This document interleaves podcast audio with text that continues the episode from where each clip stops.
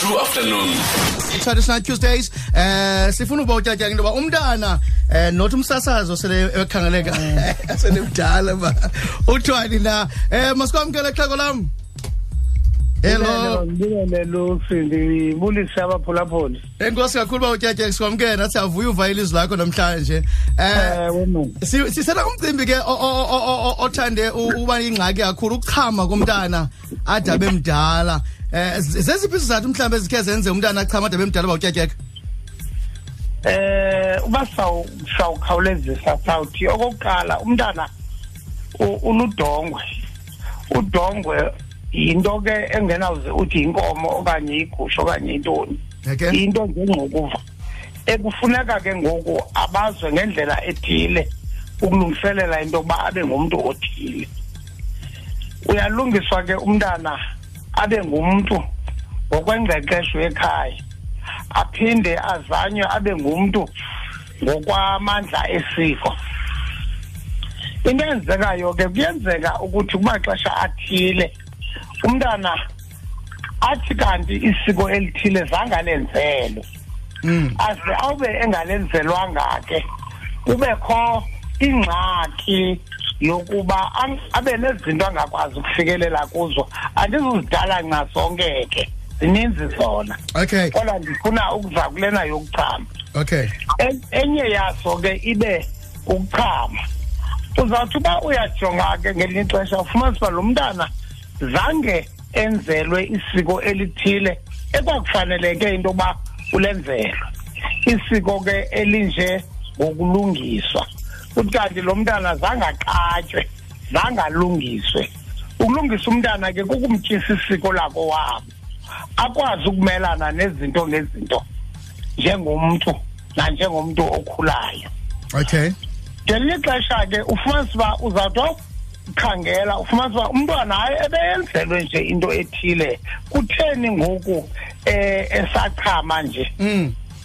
isizathu ke sisaba sekubeni ukuba ngaba umzekelo ndingabantu abalungisa ngegusha okanye abalungisa ngebhokhwe uyafumanisa uba abanye abantwana bayayeya into encinci enjalo kuthiwa hayi lo mntana weyile ngako oko xa eyeyile le nto funeka alungiswe ngende njengoba ibiyemfutshane nje axhelelwe ke ngoku inkomo okay izinto ke ezenzekayo usenokuba uba ngabe ibiyiloo ngxaki ayeke ke ukuchama kodwa uba ngaba ibingeyiyo kuzawufumaniseka into yoba likhona elinye isolotya mhlawumbi eliye lasheleleka mhlawumbi lo mntana simlungisayo simlungisa ngesiko lasemangqosinini okay kanti kanti unina wayemfumene ezinkunini okay emathinebeni ngoku ngamanye amazwi simtyisa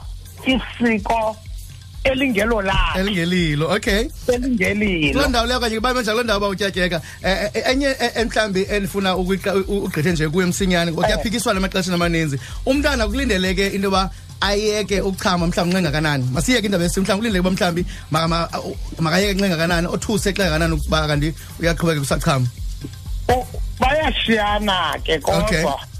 kodwa nga, ngalo lonke ixesha sawusoloko sijongile uba umntana sesezingqondweni na sowuyazi uba ngoku ndinomtsontso okay. ngoku nditshiswa lilintle njalo njalo uba okay. senazo ingqondo ezitshoyo umele uba ayeke ke ngokuchama kodwa ke ngamanye amaxesha ukhe uve kuthiwa uqale udaleni ukuchama omnye kuthiwa sele etshatile um kuxa kutheni nxa kusenzeka njalo ufuna isiko lowo mm. ngulona ndithi izinto zimbini either weyile okanye eli siko ulidojile kuba utye isiko elingelo lakhe okay. okanye abantu bakowabo njengoba besenza isiko mos lifuna ubunyulu kanti mhlawumbi le nto ebesetyenzwe ngayo ngeli xesha ebesetyenzwa mhlawumbi elungiswa yinto ebiwe noba ibiwe phina kodwa ibiwe loo gusha ibiwe loo nkomo ibiwe loo bhoko Okay. isiko ke aliyifuni liyayitshintsha into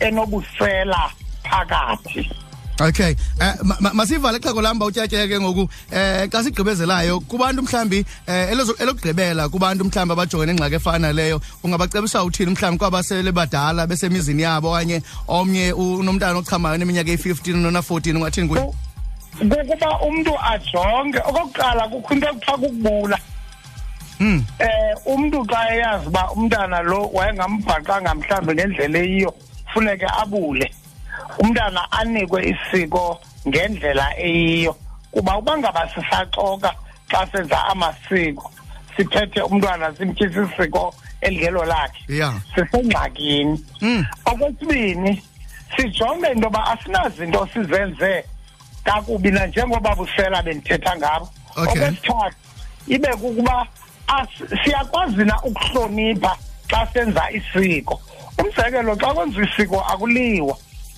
xa kwenziwa isiko kubakho imiqathango umzekelo kuthiwe kwisiko elithile hayi yabonani ke eh tata womntana nawe mama womntana anikuya esiguqweni de lo mntana abe uqabele kwinqanaba elithile leli siko alenzelwayo abanye ke abantu babethwe kurhala eh. abanye bahlale lwandle so soloko besityiwa ityiwa emecaleni umntu ancane ayaphule umthetho wesiko okay umntana ke ngoku afumane into ezinjalo nkosi kakhulu uba utyatyeka um phambi uhambe ke uthwani ongumsasazi umhlawumbi umsasazi naye onengxaki enjalo